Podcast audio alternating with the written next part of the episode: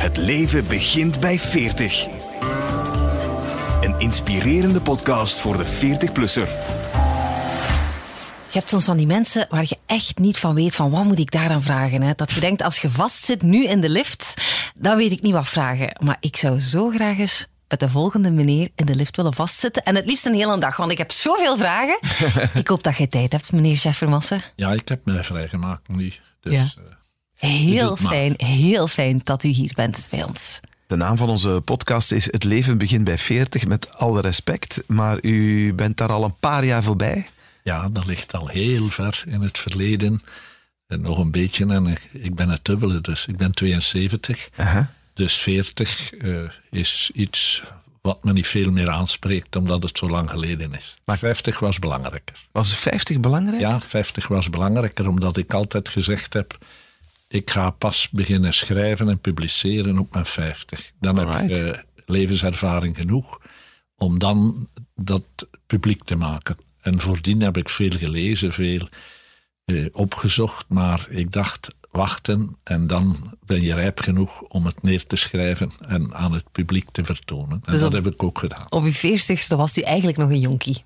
Ja, in feite wel. Daar komt het op neer. Het, is ook vaak, eh, het heeft natuurlijk ook vaak met het privéleven van eh, mensen te maken. Dat het leven begint bij 40. Kinderen zijn zo soms eh, dan zo net iets ouder al aan het worden. Kan je een beetje loslaten. Of in carrières gebeuren dan vaak hele belangrijke dingen.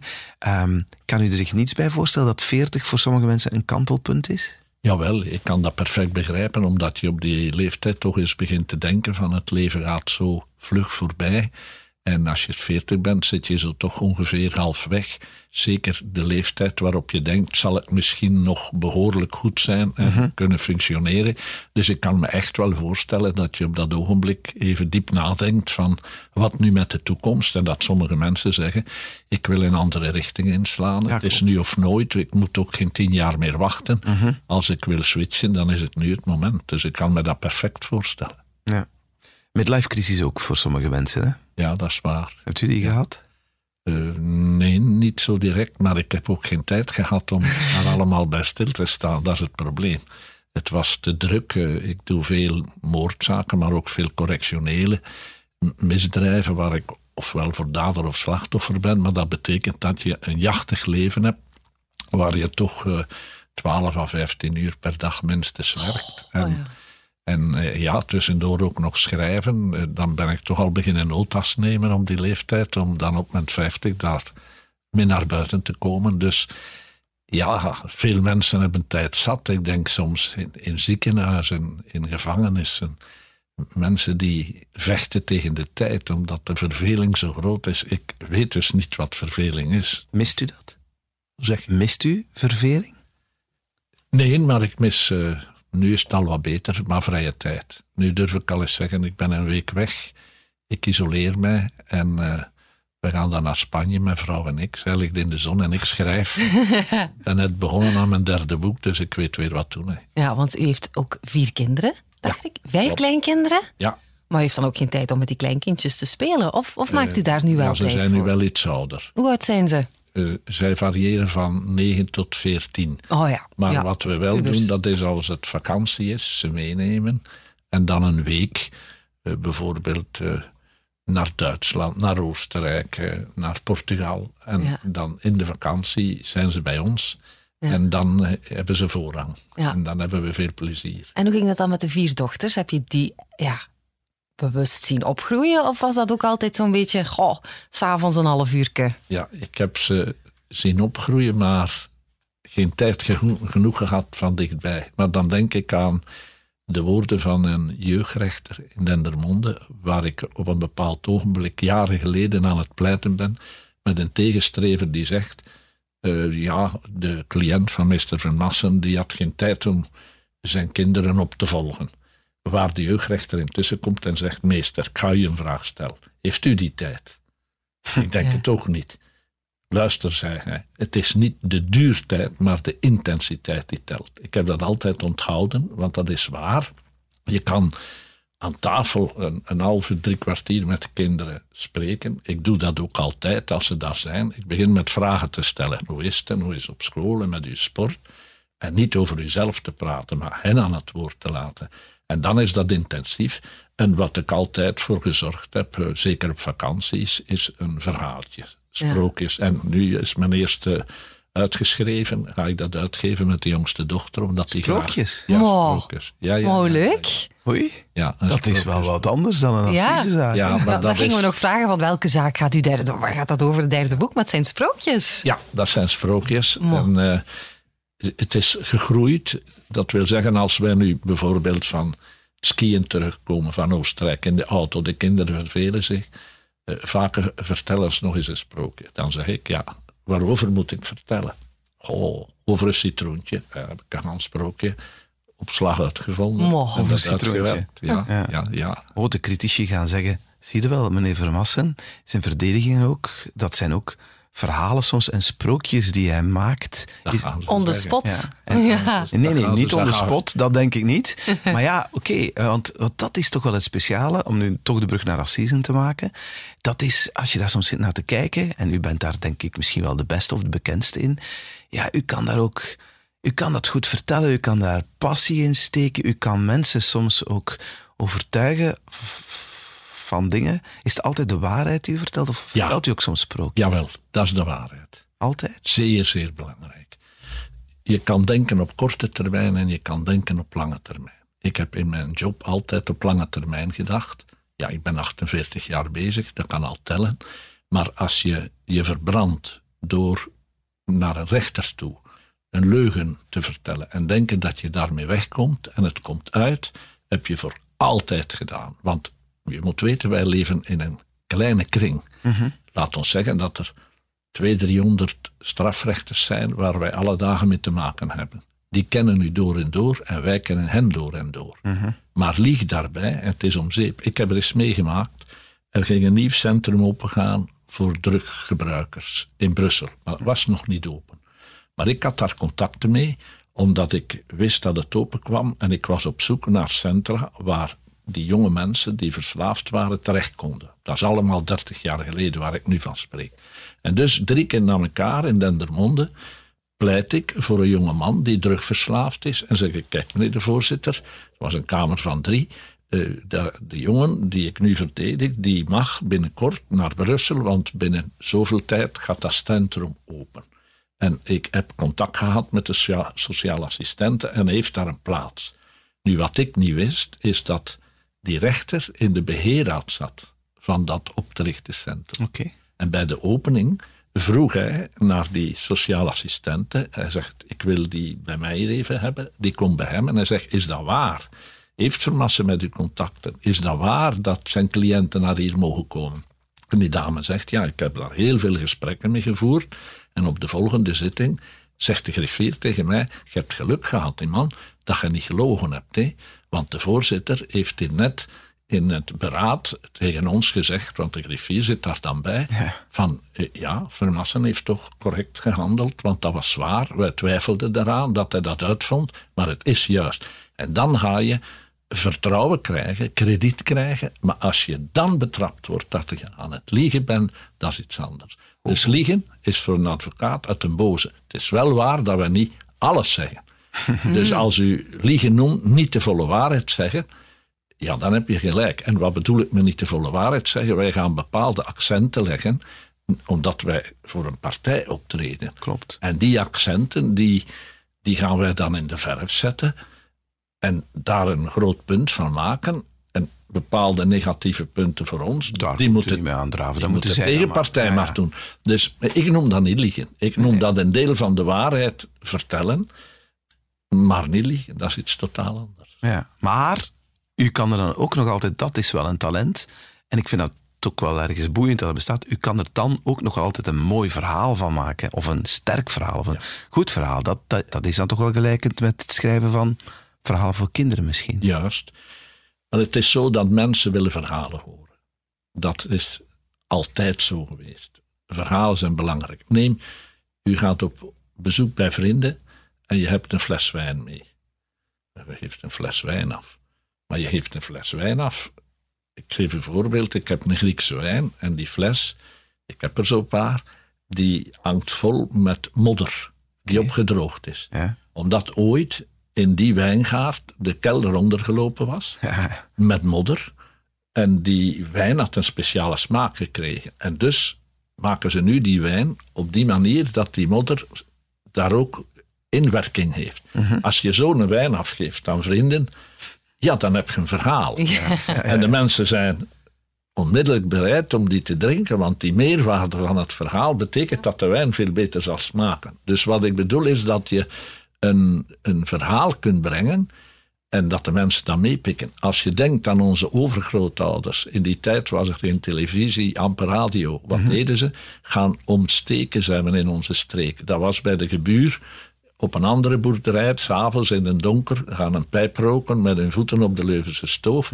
Maar het waren verhalen die ze vertelden, die ze soms uitvonden. Want eh, ze waren in, in de nacht, bij ons was dat Kludden, die op een nek gesprongen was. En ze hadden hem moeten meedragen door het bos. En de mensen houden van verhalen. Dus als je voor Assise zit, moet je weten, vertelkunst is belangrijk, want de mensen willen een verhaal horen. En oefen jij die verhalen dan thuis? Voor je vrouw bijvoorbeeld, dat je zegt van, mag ik mijn speech al eens oefenen? Nee, Nee? nee, nooit oefenen. Nooit? Nee, nee, nee. nee. Moch, moet dat toch eens repeteren? Nee, ik heb dat eens één keer gedaan, dat was een complete ramp. Moch. Waarom? Ja, omdat dat niet goed overkomt als ik het dan moet, moet Nog eens zeggen. Ja, omdat dat niet, eh, dat komt niet uit je buik. Dan is dat geoefend, dat is gerepeteerd. Ja. Nee, nee, nee.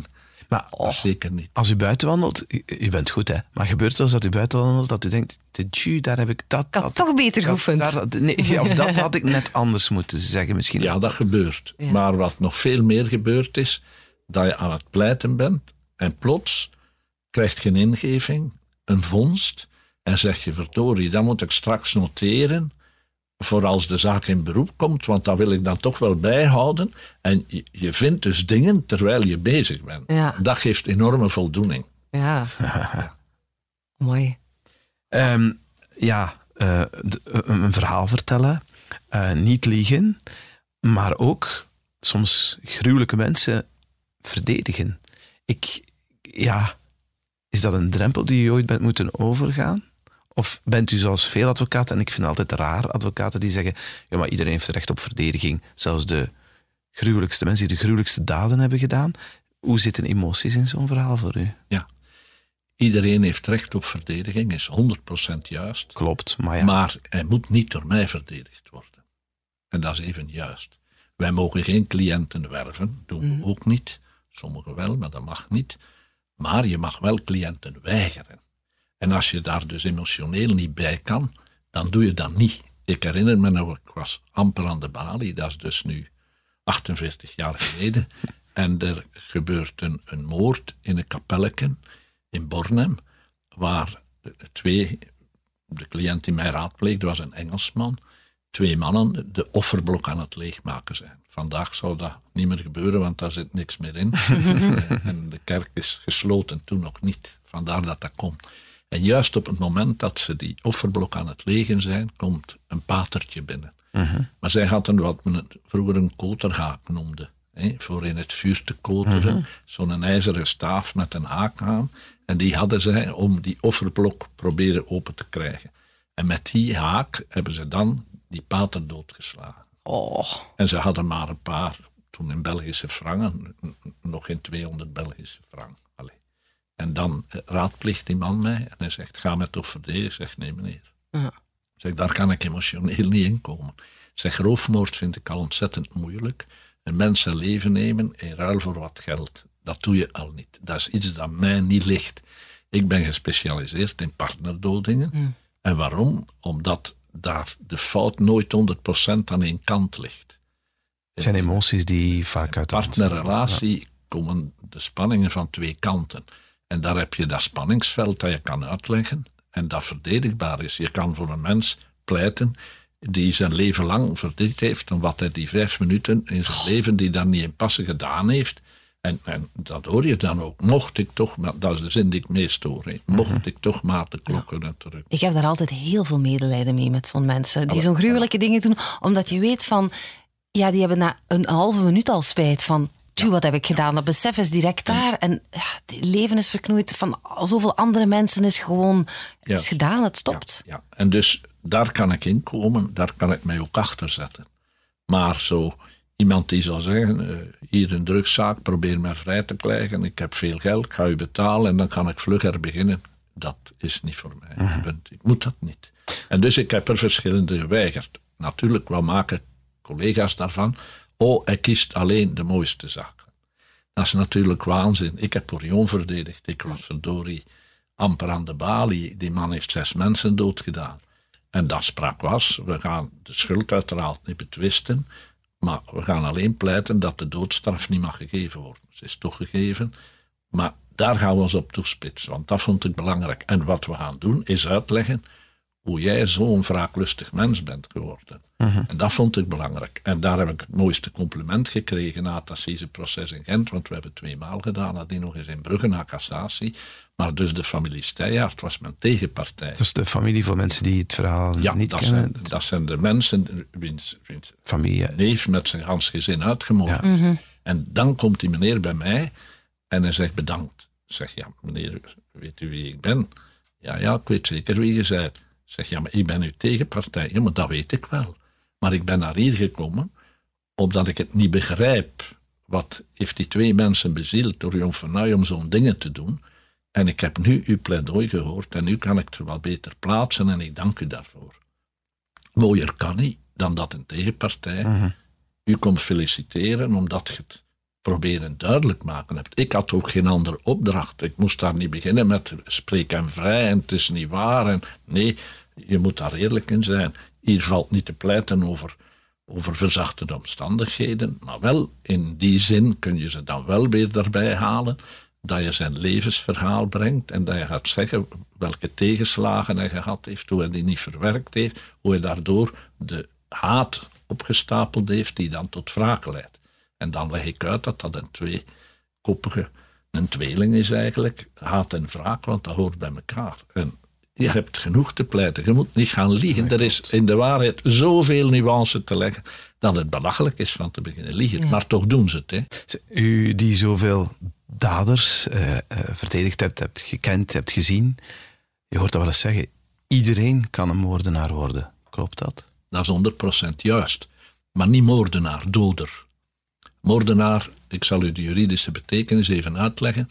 Moordenaar is een doodslag met voorbedachte raden. Juist. Dat noemt men moord. Voorbedachte raden wil zeggen, er is een tijdspanne tussen het moment waarop u het plan heeft mhm. opgevat en de uitvoering. Mm Weinig mensen begaan een moord, omdat weinig mensen gepland handelen. Uh U moet weten dat een derde van alle levensdelicten zijn partners. Ik heb dat 17 jaar alle levensdelicten van Vlaanderen en Brussel bestudeerd. En daaruit maak ik dus op dat een derde zijn partners. En negen op de tien van die zaken zijn een ontspoorde ruzie. Waarbij ze beginnen ruzie maken en, en ze niet stoppen mijn tip is altijd, op een bepaald moment stop je ruzie, want je weet nooit dat de andere het niet meer aan kan en dat het verbale gevecht omslaat in een fysiek gevecht. Stoppen doorslaan. Dus stop ermee of het kan ontsporen. Maar dat zijn dus allemaal geen moorden. Nee, nee, klopt. Een minuut tevoren hebben ze daar nog niet aan gedacht dat ze het zouden doen. Dus moordenaar zullen wij niet worden. De meeste van ons niet. Omdat je dan moet plannen. Ik heb niet zo'n zaak. Die man is zijn vrouw vergiftigd. Eh, die, die familie is net bij mij van het slachtoffer met die speciale bonen, die wonderboom. En dus hij heeft dat dus weken en weken gedaan. Dat is moord. Daar is, bij, dat is moord. Daar is bijna niemand toe in staat om dat zo te plannen en dat zo op te bouwen. En voor je ogen je partner zien te creveren en buikpijn oh. hebben en achteruit gaan en ziek worden. Dus dat is moord. Dus wij zullen mogelijk een doodslag plegen. En die doodslag die wij zullen plegen, waarvan de kans oneindig klein is, maar die doodslag die zal dan meestal plaatsvinden in een ruzie. Vandaar dat ik aan de mensen zeg: stop die ruzies op een bepaald ogenblik. Zij zo verstandig van te zeggen: ga weg. Niet laten escaleren. Ja, desnoods, ja. ga wandelen, maar, maar stop ermee. Want onze griftpijlen zijn onze woorden. En die mensen zeggen dat. Zijn, die moest niet dood, die moest zwijgen. Ja. Ik heb al verschillende keren gehoord van gevangenen die mij zeggen, die een partner gedood hebben, ja, die moest zwijgen. Dus wat, wat is mijn conclusie? Dat we er allemaal toe in staat zijn, maar alleen op voorwaarde dat alle omstandigheden tegenzitten. Je bent moe. Uh, je zit in spanning, want je partner gaat u verlaten. Dat is emotionele oogspanning. Op dat ogenblik ga jij gaan drinken Omdat je denkt, dan ga ik het beter kunnen verdragen. Maar het is juist omgekeerd. Door te drinken heb je een ontremmingseffect. Dat betekent dat je veel vlugger emotioneel gaat uitbarsten. En zo gaat alles tegen. Moest daar dan toevallig juist iemand binnenkomen, dan is het opgelost. Want ik raad ook altijd mensen aan, als ze gaan scheiden, op het ogenblik dat de partner gaat melden, ik ga weg, maak dat er iemand bij is. Mhm, het gesprek zal veel fatsoenlijker verlopen. En op het moment dat je je gerief komt halen en dat je de sleutel afgeeft en zegt, partner, ik ben weg, maak dat er iemand bij is. Want dat zijn de emotionele, gevaarlijke momenten. En dus, wanneer zouden wij kunnen iemand doden? Dat we in een hoogoplopende ruzie plots ons niet meer kunnen beheersen door overemotie. Vandaar, ik noem een doding, een misverstand. Het gaat mis met ons verstand. Onze emoties overheersen en het verstand is uitgeschakeld. En daartoe zijn wij in staat. Maar niet een roofmoord, niet een seriemoord, Nee. niet een massamoord. En ook niet een moord op zich, dat wil zeggen een geplande actie. Dat, dat doen we niet omdat onze geest zal zeggen: nee, stop daarmee, dat zijn vieze gedachten. Eh, Zet dat uit uw hoofd. Dus dat is de nuance. De kans is dus ontzettend klein. Maar toch is het zo dat ik zoveel mensen al in de gevangenis gezien heb die zeggen: maar van alleen ja. dat mij dan nu moest overkomen. Ja. Hoe is het eigenlijk intussen met die neurochirurg, hè, die haar dochter? Uitermate goed. Ja? Uitermate goed. Ja. Zij is in de psychiatrie. Ja. Ik ga niet zeggen waar, voor haar privacy. Zij zit daar in een groep van tien mensen die daar verzorgd worden. Met groepstherapie, ook individuele therapie. Ze wordt prachtig begeleid. Zij is daar zeer tevreden. Ze moet minstens, maar het zal langer zijn, tot het einde van het jaar daar blijven. Maar ze mag in het weekend gaan. En zij kan eindelijk stilletjes aan verwerken wat zij gedaan heeft. Omdat die depressie nu achter haar ligt. Want alles is in een depressie gebeurd. En, en dan redeneert je verkeerd. En dus dat schuldgevoel van haar is immens groot. En dat kan nu een beetje weggenomen worden door inzicht te geven. Ze wordt ook goed opgevangen door de medepatiënten. Zij heeft voor een paar weken gezegd wie ze was. Ik heb nooit begrepen dat de patiënten dat niet wisten, omdat ze zo vaak op tv kwam, maar niemand had haar herkend in het begin. En dan heeft ze zich bekendgemaakt en gezegd wat ze gedaan had. Waar ze dan een heel positieve respons op kreeg van de andere patiënten. Want dat is altijd risico dat je dan uit, uitgerangeerd wordt in de groep. Dat is niet gebeurd. En ze is zeer tevreden. U herkent ze ook niet meer. Ze is opgewekt, zij flirt op. En ja, het is een ander mens. En hadden ze haar die 26 jaar gegeven die de procureur Ja. dan zat hij weg te kwijnen. En ben ik zeker dat zij een nieuwe zelfmoordpoging zou ondernomen. Maar en, en gaat hij dat toch verwerken? Want allee, ik bedoel, dat is toch... Zeer moeilijk. Dat, oh, ga je zo... Oh, oh, oh, ik mag er niet aan denken. Allee, ja. Ja. Oh, Ja, Gaat ja. hij haar leven terug kunnen oppikken, denkt u? Deels. Eh, ze zal nooit meer, zegt ze, chirurg worden. Hoewel die kans haar geboden wordt. Ze mag in Nederland beginnen van de prof die haar opgeleid heeft. En die trouwens jarenlang de allerdelicaatste operaties niet zelf wil doen. De man is nu gepensioneerd, maar naar haar doorsturen. Omwille van haar kwaliteit. Ja. Ja. Maar ze zegt, ik kan dat niet meer. En waarom? Je moet weten, wanneer heeft zij de beslissing genomen om samen met haar kind uit het leven te stappen? Ze hebben het samen beslist. Dat is op een ogenblik dat ze een operatie moet doen. Eh, Eerst, het is in twee fasen verlopen. Ze krijgt op een dag eh, een jongen op haar operatietafel, dringende operatie, want hij heeft zich door het hoofd geschoten. En dat hoofd is vol bloed. Zo brengen ze die binnen. Zegt ze, ja, kuist die jongen zijn gezicht op, dat ik ook de wonden zie en zo meer. Ze doen dat en ze staan te staren en ze zegt, maar, maar ik ken die jongen. Dat is een klasgenoot van mijn dochter. Dus haar wereld stinkt weg, want haar dochter zit, terwijl dat zij daar aan die operatietafel zit, zit daar in, in het ziekenhuis, in de afdeling psychiatrie, omdat ze ook zelfmoord wil plegen. En dus zegt ze, ja, mijn dochter zal dat ook ooit doen en dan gaat hij hier ook voor mij zo liggen. En dus zij doet die operatie, maar daar is geen levenskans meer, die is hersendood.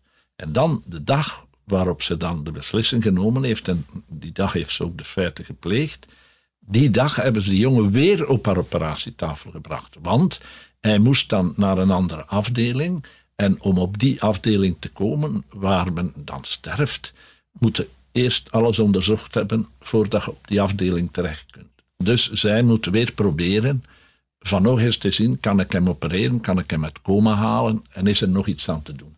En zij heeft op die jongen staan kijken en toen heeft ze de eerste keer in haar leven gezegd, ik kan die niet opereren. Dat gaat niet meer. Ik zie mijn dochter liggen. En nu zegt ze tegen mij, ik kan geen chirurg niet meer worden, want wat men ook voor mij gaat leggen voor operatie, ik ga altijd aan mijn dochter denken. Ik ga geen goede chirurg zijn.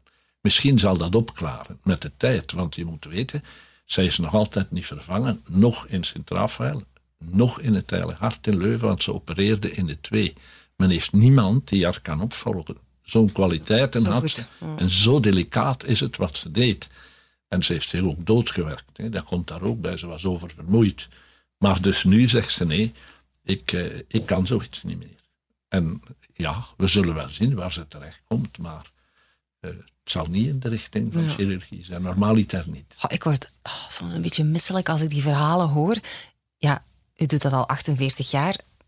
Ah, eh, Neemt u dat mee naar huis? Of kan u dat echt wel op kantoor achterlaten? Ik neem dat spijtig genoeg mee naar Ja. huis. Ik zeg dat spijtig gaat niet anders, hè? Nee, nee. Maar, maar deze zaak zeker. Waarom? Ik heb op een bepaald moment een vernauwing in de ruggengraat door artrose. En de zenuwbundel die daarin zit, die heeft geen plaats meer. Die is samengedrukt. Dus ik kan geen 100 meter meer stappen.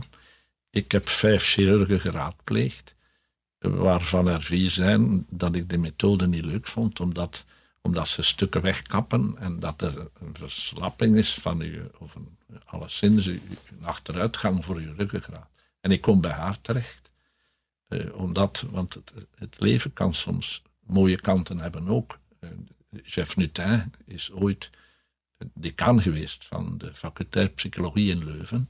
En dat is een boezemvriend van mijn vrouw en mij. En dus ik bel naar zijn zoon, die hersenchirurg en ruggenchirurg is. En ik zeg tegen hem, zou u mij willen opereren? Ja, maar ik doe de rug niet meer, zegt hij. Want ik zit veel in Amerika. Die man is wereldberoemd, want wij weten niet wat talenten wij in België zitten. hebben. We zijn daarvoor allemaal veel te nederig of te onverschillig. Maar die man zit dus veel in Amerika. Hij zegt, ik kan het niet doen, maar ga bij dokter Ditgaard. Ik heb haar opgeleid, zij gaat dat doen. En zij opereert mij. Fantastisch. Zij komt bij u de avond voordat moet geopereerd worden, een zondagavond. Zij komt na de operatie bij u. Zij belt naar uw vrouw, maar ze doet dat met iedereen. Voor te zeggen, de operatie is gelukt, mevrouw, maak u geen zorgen. En dan, het s'avonds, komt ze nog eens binnen.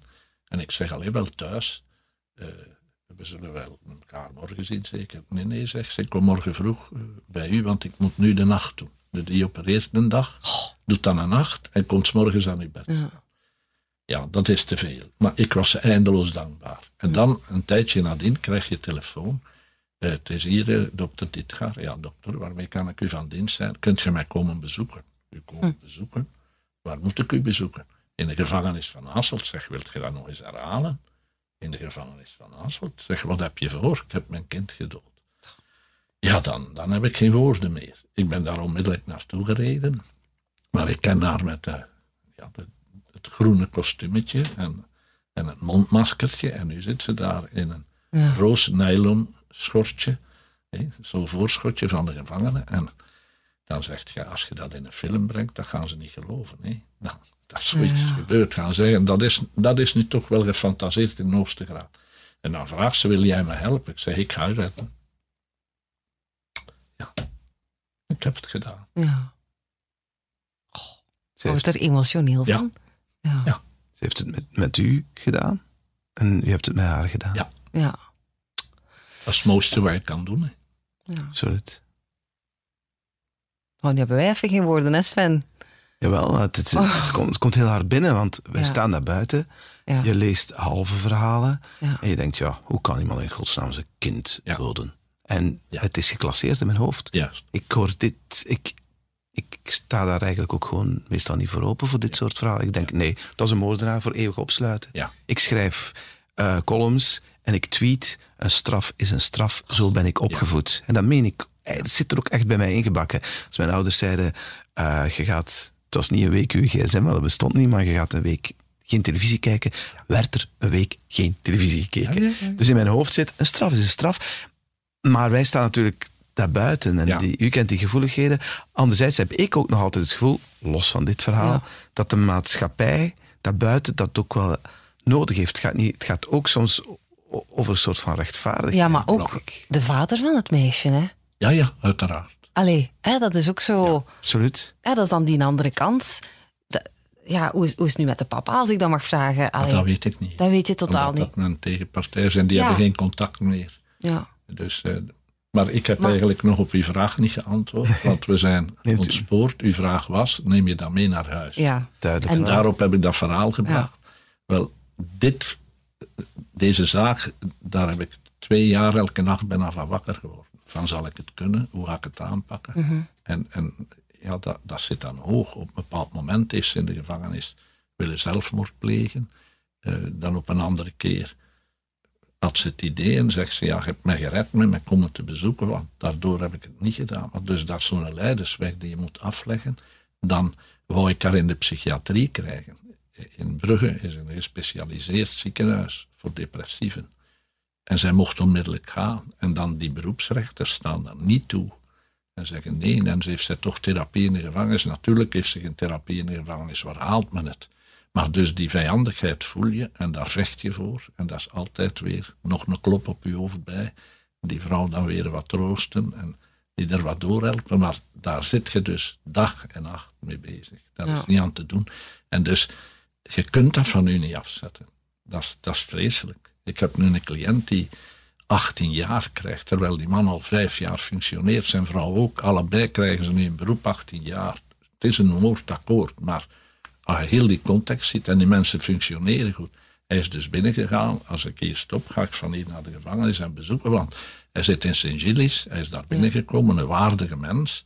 En die slaapt dus nu al een week op de grond in een cel die voor drie gedetineerden bestemd is. Hij is nu de vierde die daarbij ligt. Hij heeft dus een matras en één laken. En zo moet hij slapen. Goh. Nu wil ik bij de directie dat gaan aankaarten om te zeggen, dat kan nu toch niet. Maar dus dat kom je allemaal tegen. En dat is allemaal zo emotioneel beladen. Ja. Nu, ik zeg altijd, als ik thuis toekom, hang ik met een toog aan de kapstok en de problemen daarbij. Maar dat is niet waar. In zo'n zaken kun je dat niet. Die afstand is heel moeilijk. Dat is, dat dat ik, ik krijg maandag, want ik heb nu op drie dagen weer drie moorden binnen, maar maandag krijg ik een dame bij mij die 22 jaar geleden haar moeder vermoord is. En dus, men wist niet wie de dader was. Men heeft alleen een haartje gevonden op eh, het kussen waarop zij lag. En nu matcht dat, want de man heeft nu een nieuwe moord gepleegd. En ziet men dat dat zijn DNA is. Maar dus die vrouw komt nu bij mij, die zegt, 22 jaar loop ik te zoeken naar diegene die mijn moeder vermoord heeft. Ja. En ik weet het niet. Nu weet ik het, nu wil ik alles weten. Ja, dan heb je daar een gesprek mee, dan hoor je dat die vrouw eh, daardoor, want de ouders waren uit elkaar, daardoor in een home gezeten heeft. Veel afgezien heeft. Allemaal een onschuldig meisje, maar die als dochter van zo'n slachtoffer ja, in die marginale wereld van de homes en dergelijke terechtkomt met alle begrip voor die mensen die haar opvangen. Maar het is niet zoals thuis. En ze zegt, ik, ik, ik heb jaren darmklachten omdat ik dat niet kan plaatsen, omdat ik daar ziek van ben. Dat is dus een leidersweg van 22 jaar. Zijn mevrouw, we gaan u helpen. En dat pakt mee. Maar dat is moeilijk om dat op aan uw kapstok te hangen. Want dan ben je zelf niet emotioneel betrokken. Mijn zwakste kant zijn mijn emoties, maar het is ook mijn sterkste kant. Omdat je daardoor resultaten boekt. Omdat de mensen zien dat dat gemeend is. Dat je, dat je vertaalt, want wij zijn eigenlijk tolken. Eh, Wat de cliënt niet kan zeggen, dat gaan wij zeggen. En wij verwoorden wat hij niet gezegd krijgt. Vandaar dat wij een soort tolken zijn in, in het overbrengen van emoties. Maar daar moeten ze zelf voor voelen. Als je dat zelf niet kunt voelen, omdat je een halve psychopaat zet, en in ons vak zitten ook psychopaten in elk vak, ja, die, die, die kunnen dat niet, omdat die zelf geen gevoelens hebben. Maar als je die wel hebt en je hebt er te veel gezet, laat het ons maar zeggen, op dat punt te fijn besnaard, dan heb je daar ook de grote nadelen van. En daar heb ik wel last van.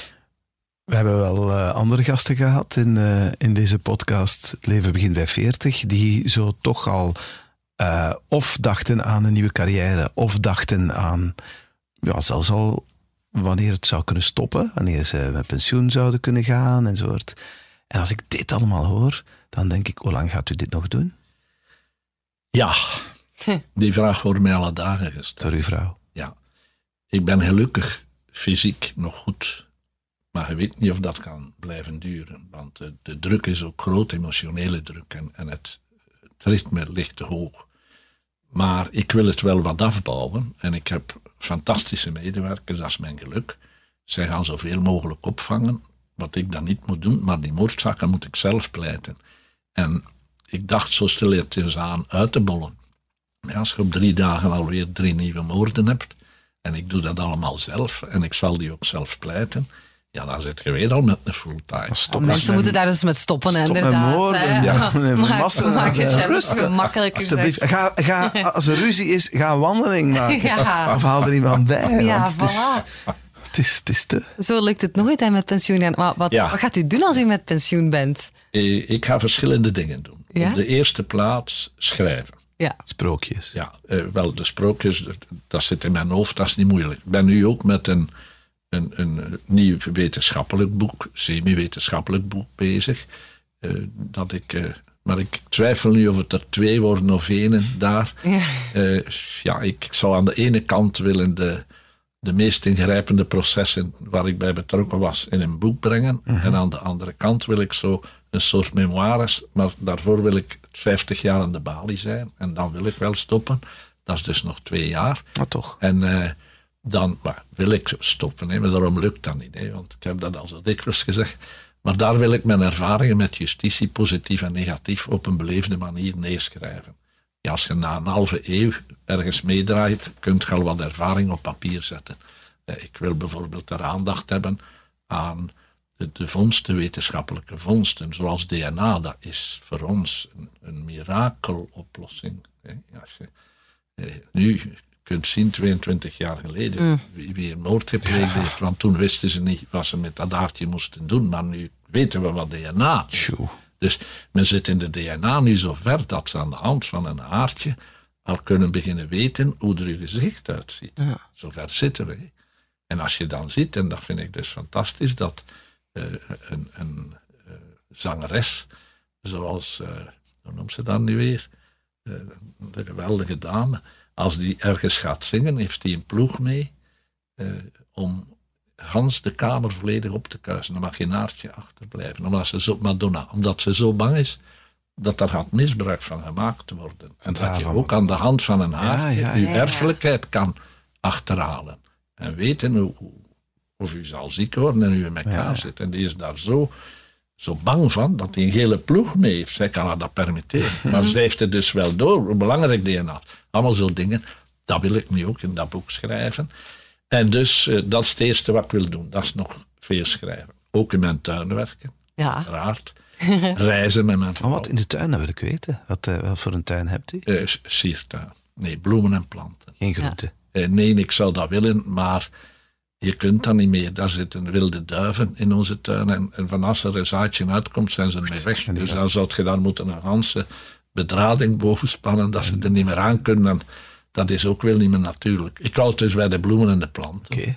En eh, daar ben ik, dat is ontspannend tot en met. Reizen, ontzettend belangrijk. Kunst, eh, tentoonstellingen zien.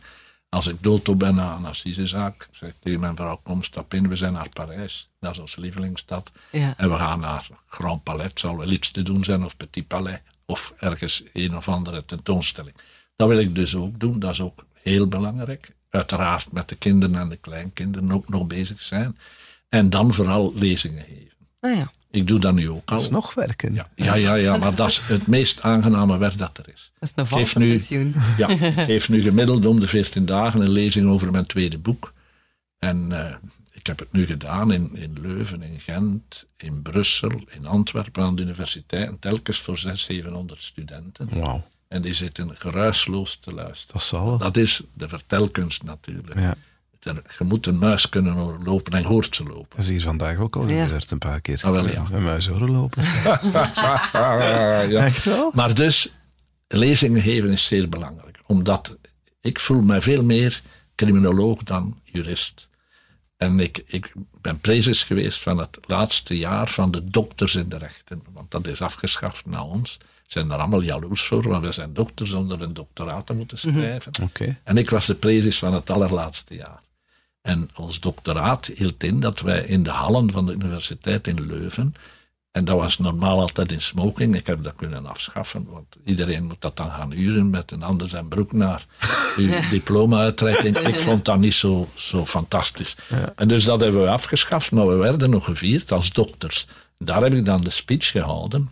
En heb ik gezegd aan mijn medestudenten van kijk, eh, iedereen van u is mogen gaan studeren door zijn ouders, maar ook door de samenleving. Want iedere student wordt gesubsidieerd via de universiteit.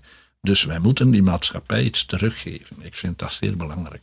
En als criminoloog vind ik dan, het teruggeven is uw ervaring die je opgedaan hebt, de wetenschappen.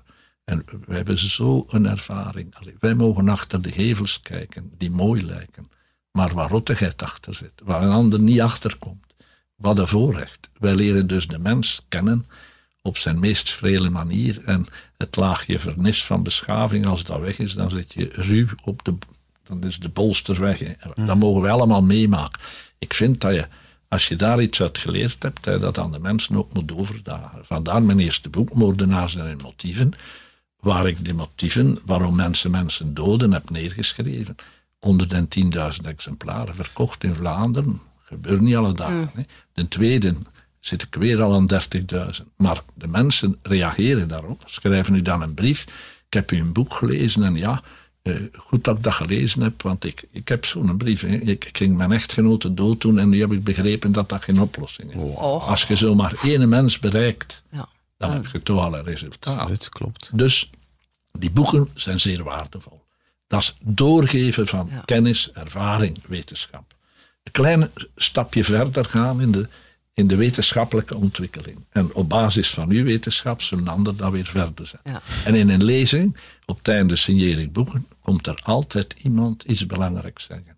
Van meester, ik heb het begrepen, hè, wat je daar gezegd hebt. Want ik zeg bijvoorbeeld naar slachtoffers toe, als je door je rouwproces bijna door bent en je ziet eindelijk weer een beetje zonnestralen, dan is het moment gekomen om die dader uit je nek te schudden. Want neemt de dame die dat zuur in haar gezicht krijgt, Ja. die dame staat op, kijkt in de spiegel, denkt aan de dader. Overdag voelt ze de pijn, denkt aan de dader. Haar laatste, s'avonds, is haar tanden poetsen, ziet ze haar gezicht in de spiegel, denkt ze aan de dader. Dus die dader, die regeert over uw leven. En dan zeg ik, dat moet stoppen. Je moet geen medelijden hebben. Belangen niet, maar je moet aan jezelf denken. En je moet zeggen, nu gaat jij mijn leven niet blijven bepalen. Ik wil dat niet meer, ik neem het zelf in handen, ik gooi je uit mijn nek. En dat is mijn boodschap van dat boek. Het tweede boek nu, van Moordenaars. En een motieven was het eerste, maar dit is Meester, ik heb geen tranen meer. Een citaat, eh, gezegd door een jongen van 16, de broer van Annick van Uitsel. Ja. Die, die eindeloos verdrietig is, maar zijn tranen zijn op. Goh. Dat is op zich toch afschuwelijk. Hè? Ja. En, en dus ik heb daar een gesprek mee. Dat is een zin die je letterlijk tegen mij zegt. Oh. Ja, en dus in dat boek geef ik dat mee als boodschap van gooi hem uit, uit uw nek. En als ik dan boeken signeer, komen zo slachtoffers bij mij. En zo heel stilletjes. Ik heb het begrepen. Zeg, ik ga dat doen wat je geschreven hebt. Hé, maar iedereen heeft iets aan die boeken, hè. Dus als je niet weet wat je voor iemand moet kopen onder de kerstboom... ik weet het nu wel. Ik, ik heb er al gesigneerd van onder kerstboom. Ja. Van eh, in lezingen dat mensen komen, dat is Ja. voor mijn, mijn mama of voor Ja. mijn opa. Wilde dat signeren, maar op de 24 december. Ja. En dan zet ik, zet ik die datum daarop. Oh, heerlijk. Meneer Vermassen, eh, het was een fantastische babbel. Ja. Het, het is, eh, die, gaan- mui- die muizen liepen hier constant Zeg maar, ik zou nog... Ik meen dat, hè. Ik heb nog zo... Ik heb nog duizend vragen, maar dat wist ik van tevoren al. Maar ja, kunnen niet blijven, hè. Ik wil nog, ik We nog hebben een limiet op de podcast. Ja. Tju toch? Ja. Het is eigenlijk niet, maar ik wil u nog één vraag stellen. Het leven begint bij 40 is de naam van onze podcast. Onze luisteraars zitten in die leeftijd. U bent er een, een tijdje voorbij. Wat wil u als boodschap meegeven? Wat, wat, wat is iets wat mensen in hun hoofd moeten steken om hun leven volgens u beter te maken of risico's te vermijden? De boodschap die ik aan de mensen wil geven en die ik alle dagen herhaal, is solidariteit. Dat is het sleutelwoord in mijn leven. En waarom? Solidariteit wil zeggen dat we als mensen voor elkaar opkomen en elkaar ondersteunen. We leven in een vreselijk chaotische wereld. Ik word er s'nachts van wakker. Het is precies of er is een tweeling bezig. Dat is Trump en dat zijn een collega van Engeland. Dat zijn dus psychopaten die de wereld regeren. Daar zit dan nog een in Rusland, daar zit dan nog een in Turkije. Dus de wereld is momenteel in handen van psychopaten. Die hebben geen medeleven. Die denken alleen aan zichzelf. En de boodschap na de Tweede Wereldoorlog is geweest: kom op voor jezelf. Alle dagen horen we dat. En we zien nergens meer depressieve mensen dan in het Westen. Ik heb verschillende projecten lopen die ik doe in Afrika. Ik ben bezeten van Af Midden-Afrikanen. Die hebben zo'n optimisme en blijmoedigheid die wij missen. Maar die hebben solidariteit. Wij zijn dat aan het verspelen. We zijn nergens met zoveel die antidepressiva nemen, zoveel zelfmoorden. Waarom? Omdat de mensen naar een verkeerde boodschap luisteren van trek u van een ander niets aan. Dat is recht tegen ons genetisch materiaal. Onze allereerste voorouders, mag je nooit vergeten, die waren gedoemd om te sterven. Want die hadden 101 natuurlijke vijanden en ze waren vrele, magere mensjes. En waarom zijn ze overleefd? Omdat ze gaan samenhokken zijn. En dat weten we door opgravingen. Ze zijn gaan leven in groepen van maximum 50, 60. En omdat ze elkaar gesteund hebben en omdat ze wapens uitgevonden hebben, waardoor je op afstand kon doden, waren ze hun vijanden te vlug af.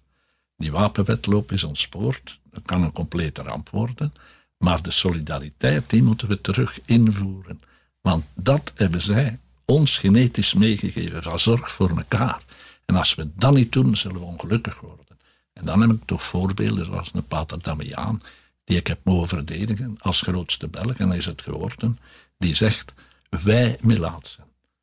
Ja, of de president van, eerste zwarte president van Zuid-Afrika, Nelson Mandela, die uit de gevangenis komt en waar iedereen denkt, de haat gaat eraf druipen in zijn eerste speech, maar hij begint zijn speech met wij, blank en zwart, moeten van het grootste Afrikaanse land het mooiste maken. Wij. En wel, die wij, die solidariteit, dat is de boodschap. En die geef ik aan mijn kinderen mee. En ik ben zo blij dat ze dat overnemen. Ik heb nu een dochter die met een, een uh, therapeutisch bos begint, samen met een vriendin. Ik steun dat ook financieel. Ja, ze gaan dat binnenkort openen. Zij is kleuterleidster. Zij heeft veel andere cursussen bijgedaan. En dus zij komt tot de constatatie dat er nu al kleutertjes zijn die schoolmoe zijn. Kunt je dat voorstellen? Schoolmoe, kleuters. En dus die kinderen die uit de boot vallen, die gaan ze daar opvangen, als spelend in een bos tot rust laten komen. En dat is solidariteit. Je moet het op een creatieve manier doen.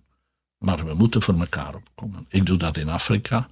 Ik ben tien jaar en langer voorzitter geweest in Oeganda van een vereniging met twintig idealisten, domme mensen zou men zeggen, die allemaal die kindsoldaten opgevangen hebben, die ontsnapten uit het leger. We hebben er zo 10.000 begeleid. Hm. Het geld van mijn eerste boek is naar die kinderen gegaan, die daardoor universiteit konden studeren. En we hebben een bogenlaag gecreëerd in Oeganda. Nu zijn we bezig in Tanzania met zo'n project. Dus dat vind ik belangrijk. Ik kan dat ook niet missen. Als ik dat zelf kwijt ben, heeft mijn leven geen zin meer. Maar het is die solidariteit die we terug moeten invoegen. En dan, als je dat hebt, dan heb je gelukkige mensen. En dat is mijn boodschap. Wij zijn solidair. uh, Anke en ik heel dankbaar samen met de luisteraars voor deze podcast. Ja, heel fijn. Dankjewel. Graag gedaan. Wil je op de hoogte blijven van de nieuwe afleveringen van deze podcast? Abonneer je dan via je favoriete podcast-app of luister naar ons radioprogramma Sven en Anke elke dag tussen 6 en 9 op Joe, Joe 70s en Joe 80s.